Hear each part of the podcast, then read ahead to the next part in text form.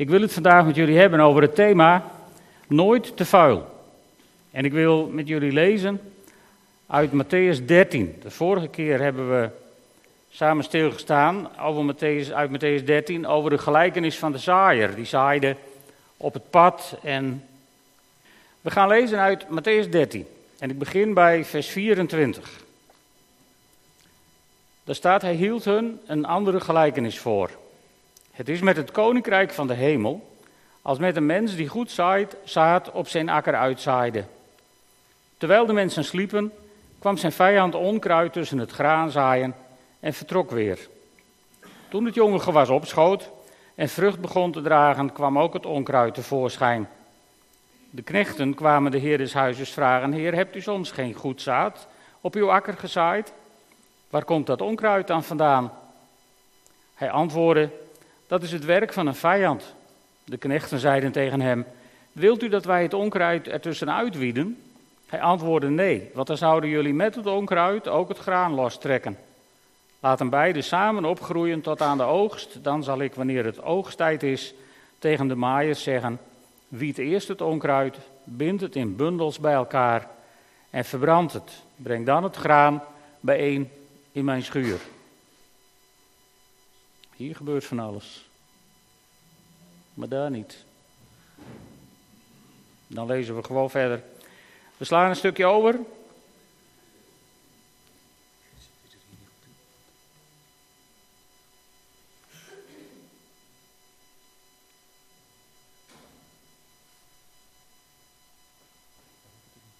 Nee, nou, dan doen we het zonder.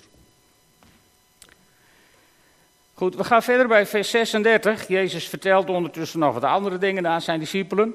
En dan, uh, dan staat er in vers 36, daarop stuurde hij de mensen weg en ging naar huis. Zijn leerlingen kwamen bij hem en vroegen, wilt u ons de gelijkenis van het onkruid op de akker uitleggen?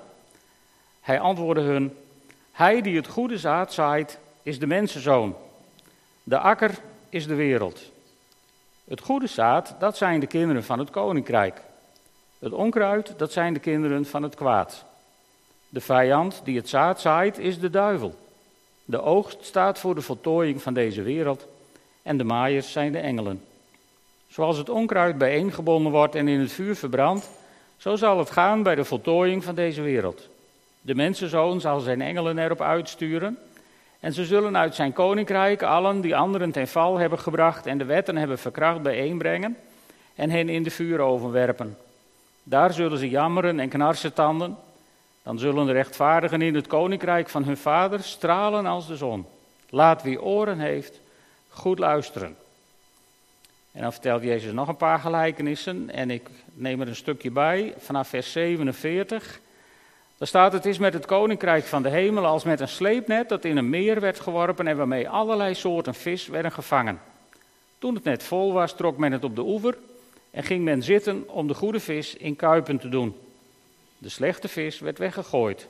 Zo zal het gaan bij de voltooiing van deze wereld. De engelen zullen erop uittrekken en de kwaadwilligen van de rechtvaardigen scheiden. En ze zullen hen in de vuuroven werpen, waar ze zullen jammeren en knarsen tanden.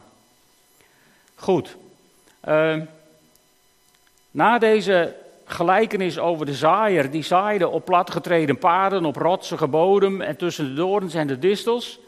Vertelt Jezus nog een gelijkenis over iemand die zaait. Of eigenlijk over twee figuren die zaaien. En beide gelijkenissen zijn nauwelijks met elkaar te vergelijken.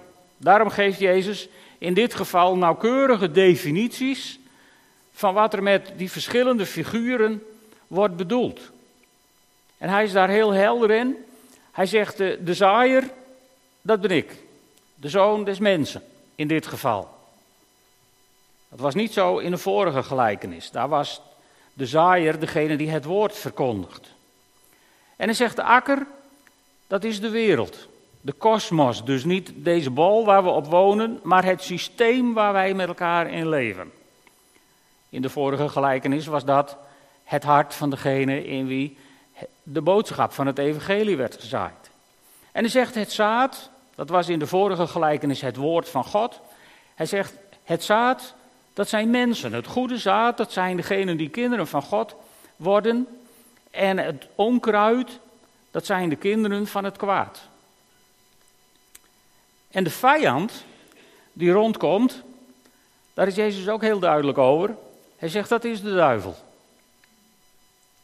En de oogst, waar Jezus het over heeft, zegt hij, dat is de voleinding van de wereld. Dus dat is niet hier en nu, maar dat is straks, aan het eind, als Jezus terugkomt, de oogst. En de maaiers, zegt hij heel expliciet er even bij, dat zijn de engelen. Dus nu hebben we alle figuren uit het plaatje een naam gegeven. Ze hebben allemaal hun plek en hun functie. Het is belangrijk dat we die, die definitie even goed houden, vasthouden. Uh, sommige mensen beweren namelijk dat deze gelijkenis gaat over de valse kerk. Maar Jezus begint deze gelijkenis met het koninkrijk der hemelen is als. Dus het gaat niet over de valse kerk, het gaat over het koninkrijk der hemelen. Daar is Jezus volgens mij gewoon heel duidelijk in. Heel simpel, dit gaat niet over de valse kerk. En bovendien moet je in de Bijbel ongelooflijk diep spitten. En dan beloof ik je dat je geen gelijkenissen vindt over de valse kerk.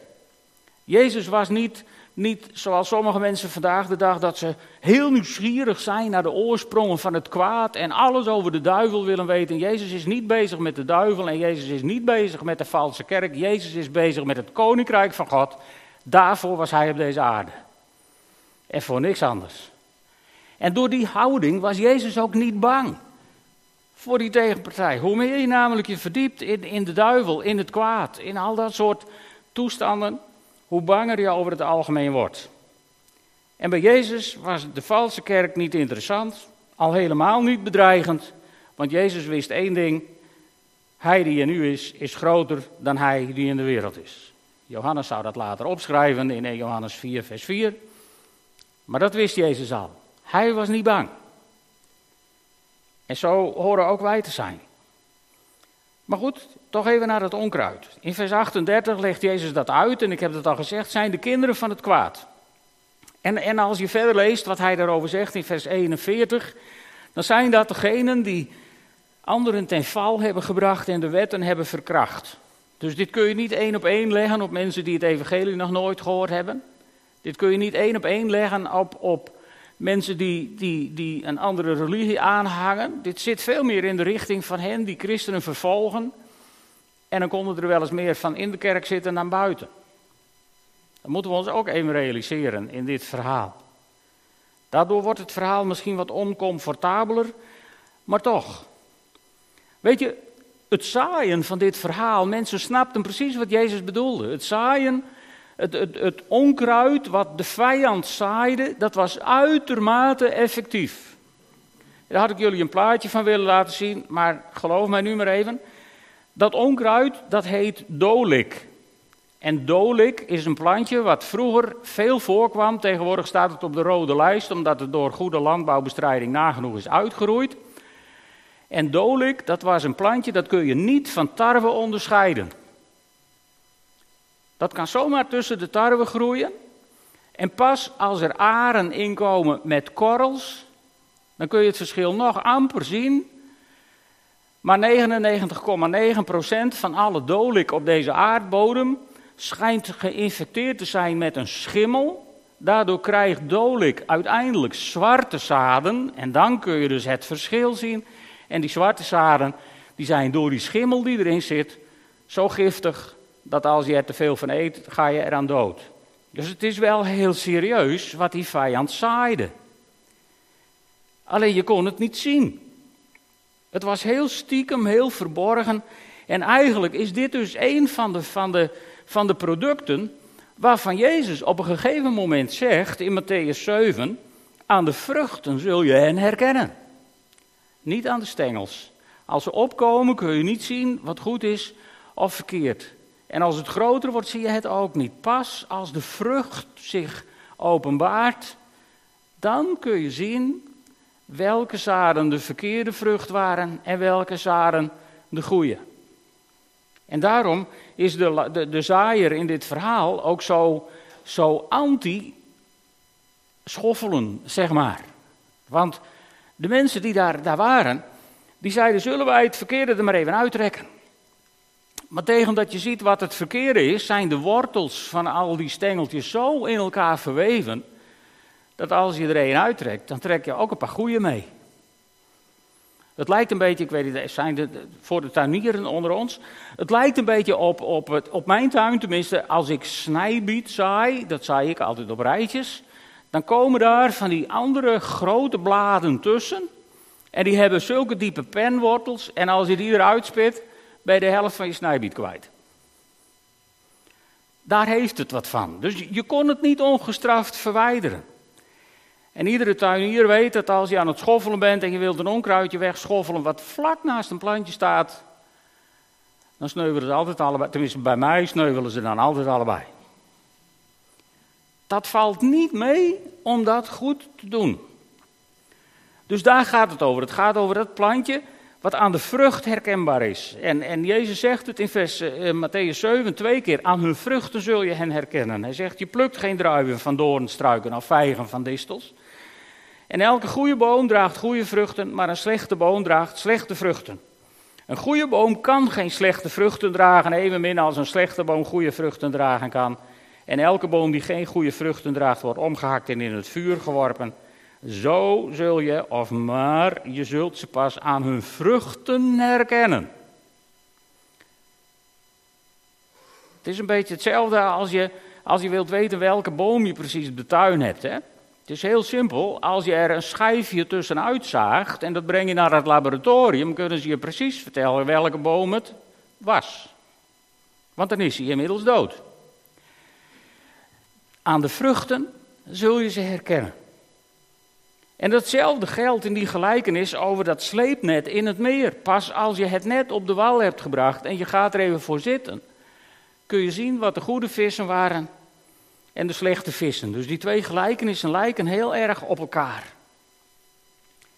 En uh, wat ik sterk vind in dit verhaal is van, van de mensen die dat verkeerde zaad zien, die zijn ervan overtuigd, er moet iemand achter zitten.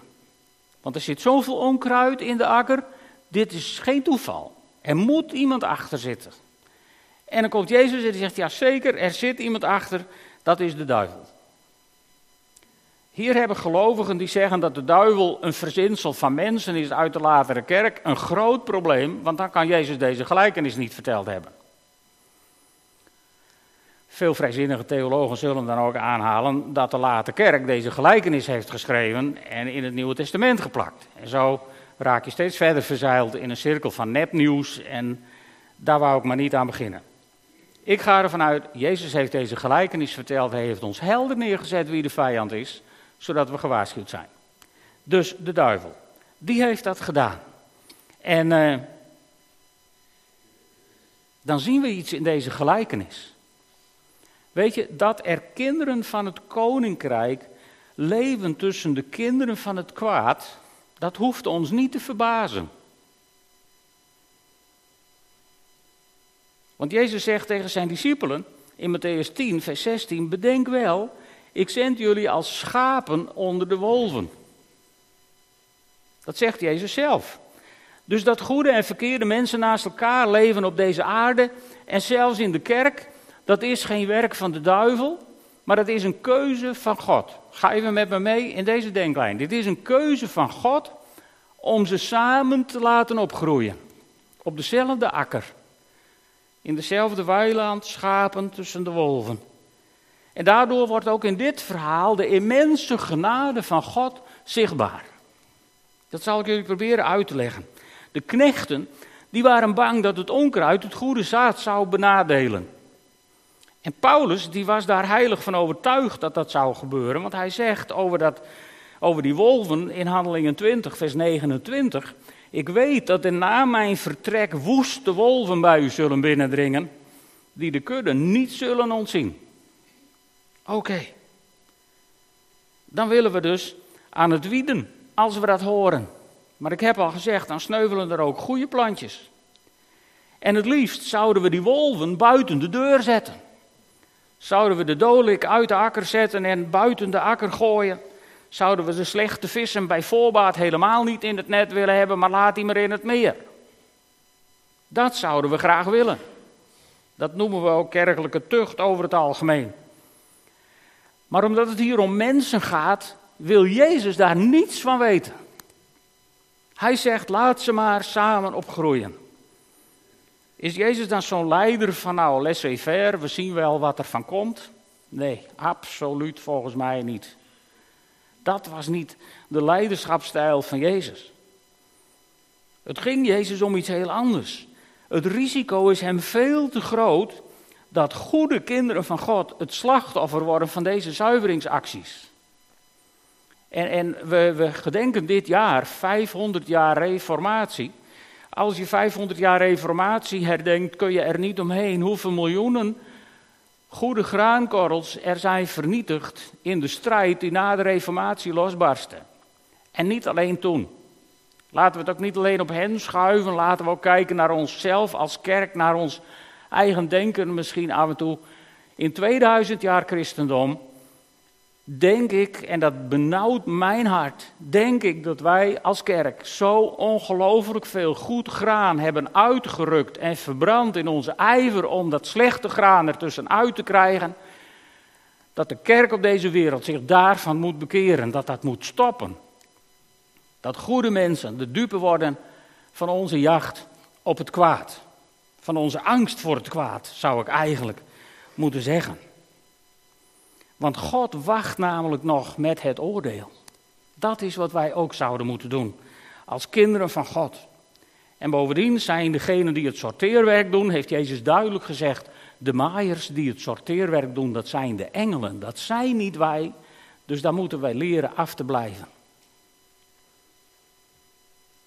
Maar ja, wij zijn bang dat de schapen worden opgegeten door de wolven. Maar Jezus rekent er volgens mij op dat wolven door contact met schapen steeds schaapachtiger worden. In de hoop dat ze zich op een dag zullen bekeren tot schaap. Ik geloof dat God er geloof voor heeft dat de giftige dolik die tussen het goede graan groeit op een dag, misschien voor de oogst, dat hoopt Jezus volgens mij met heel zijn hart, zich bekeert en van zwart graan mooi blank graan wordt. En kan leiden tot goed brood voor de mensen die het nodig hebben. Ik geloof dat Jezus met zijn sleepnet ook de slechte vissen uit het meer vist. In de hoop dat ze door de in, intense aanraking van de goede vissen ook goede vissen zullen worden. Ik denk dat dat veel meer Gods idee is. Want weet je, als wij niet tussen de. Als, als wij niet tussen het onkruid willen groeien. Als wij niet als schapen tussen de wolven willen wandelen op deze wereld. Hoe kunnen we dan ooit zout der aarde en licht voor de wereld zijn? Dat kan alleen als we er midden tussenin lopen. Als het zout in het zoutvaatje blijft, heeft dat ook geen enkel nut. En als je je licht onder de korenmaat zet, heeft dat ook geen enkel nut. Ik denk dat we naar die gelijkenissen moeten rijken vanuit dit verhaal. Want Gods perspectief is dat het kwade, al is het nog zo vuil, al is het nog zo smerig, al is het nog zo ziek, al is het nog zo besmettelijk, dat het kwaad in deze wereld gereinigd wordt door contact met het goede in deze wereld. Mijn Jezus was toen hij op deze aarde was niet te beroerd om een Melaatse fysiek aan te raken. En toen dachten alle fariseeërs die eromheen stonden van nu wordt hij Melaats. En volgens de wet zouden ze hem eigenlijk op het moment dat hij die Melaatse aanraakte bij voorbaat onrein verklaren. Dan zouden ze precies voldoen aan de wet van Mozes. En het gebeurt niet. Het is nog veel erger. De Melaatse die wordt ter plekke rein omdat hij in aanraking kwam met de reinheid van God. En weet je, als wij als kerk, als er iemand in ons midden is die iets, iets, iets misschien doet of, of weet ik wat, wat niet bij ons past. Ik heb de afgelopen jaren verhalen gehoord van mensen, wij moeten de kerk rein houden. Nou, dat kan, dat is heel simpel. Dan moeten we de deur op slot doen, goede schotten voor de ramen timmeren, zodat hier niemand meer in komt. En dan blijft het niet rein, maar dan hebben we alles eraan gedaan wat we kunnen. Dan moeten we allemaal wegblijven. Anders houden wij de kerk niet rein. En God is niet uit op een reine kerk. God is erop uit om de kerk te reinigen door het bloed van zijn zoon. Wat hij heeft laten vergieten op Golgotha. En als we zo meteen avondmaal vieren, dan mag je dat weten. Het bloed van Jezus reinigt ons van al onze zonden. En die hoop is er voor wolven. Die hoop is er voor dolik.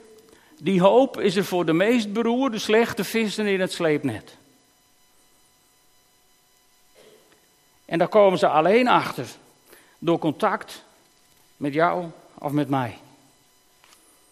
En als wij ervoor zorgen dat onze wegen scheiden omdat we rein willen blijven, dan zullen we bij de oogst met ledenogen moeten toezien dat er heel veel vissen het vuur ingaan, heel veel graan het vuur ingaat. Wat misschien wel gered had kunnen worden als wij op ons plek waren geweest waar we zouden moeten zijn. Bij God is er hoop. En God is niet een naïveling die wolven tussen de schapen zendt. Van nou, misschien worden de wolven wel lief. Nee, God wist heel goed waar hij aan begon. En God was niet in paniek. Zo van dan hou ik geen schaap meer over. Volgens mij was de duivel in paniek toen Jezus dit zei. En dacht hij, ik hou geen wolf meer over. Want als de schapen goed doen wat ze moeten doen, dan worden de wolven schaap. En zo is Jezus erop uit om te redden. En God verandert mensen, weet je nog? Hij verandert dolik in graan, hij verandert wolven in schapen, hij verandert slechte vissen in goede. En God was daarvoor niets te veel.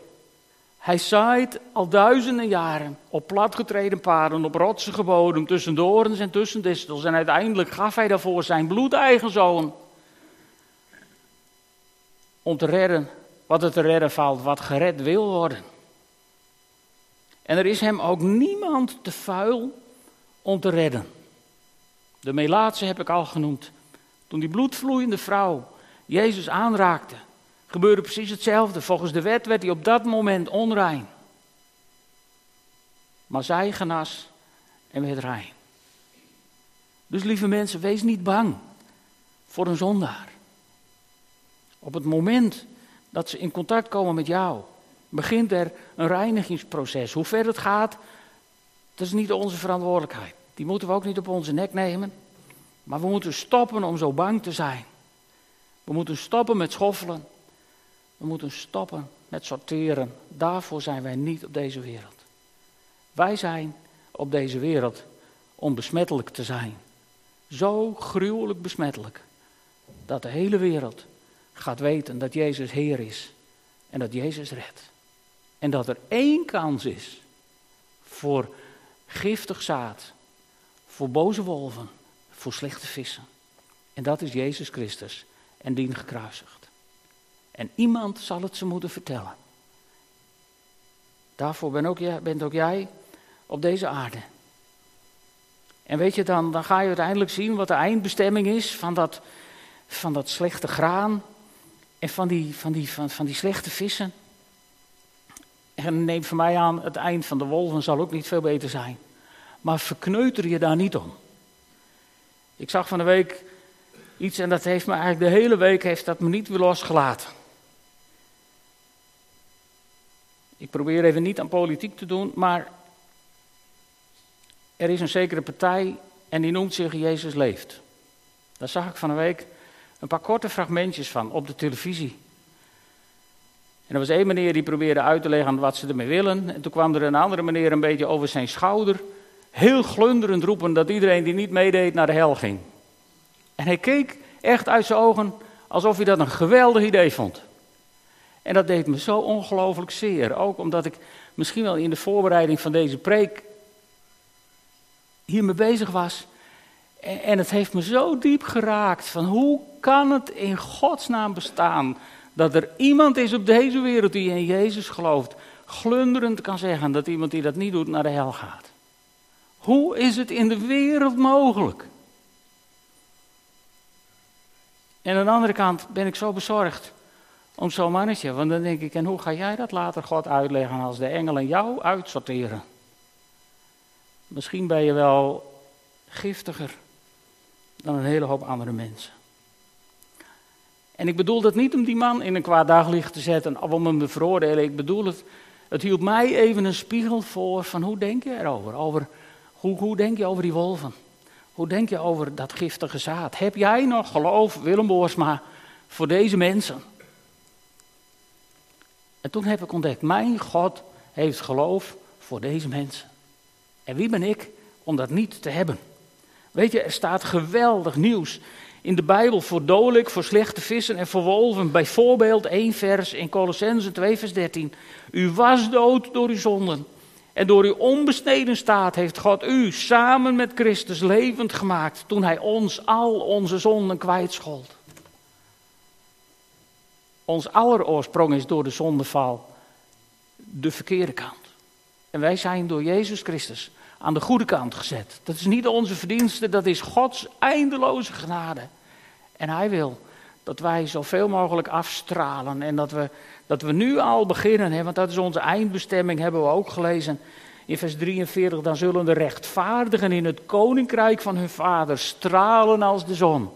Nou, lieve mensen, het koninkrijk van de Vader is hier op deze wereld nu.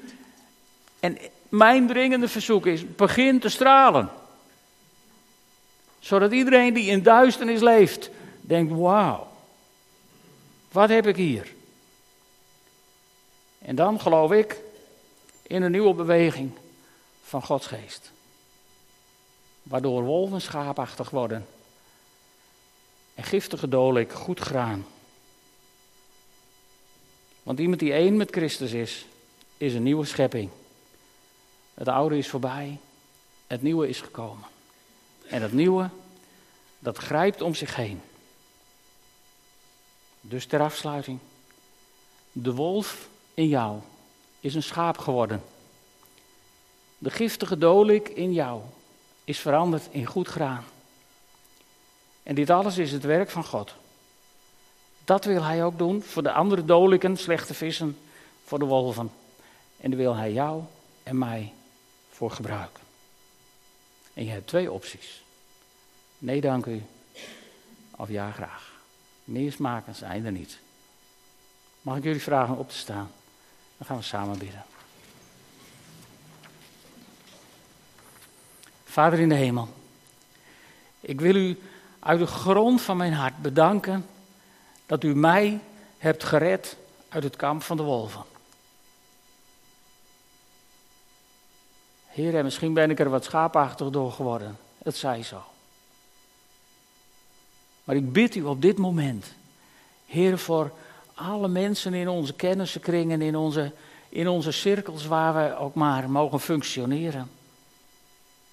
Ik bid u voor elke wolf die daar rondloopt. Ik bid u voor elke giftige plant die daar groeit. Ik bid u voor elke slechte vis die daar rondzwemt.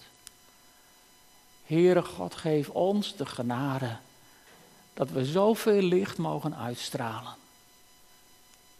Dat ze hun blik richten op Jezus. Heer, gebruik ons als lichtpuntjes in deze wereld. Gebruik ons als zoutkorreltjes op deze aarde. Gebruik ons als schapen tussen de wolven dan maar, Heer. Gebruik ons als goed graan tussen het gif. Heer, gebruik ons. Raak ons aan. En zet ons in de vrijheid om uw getuigen te zijn.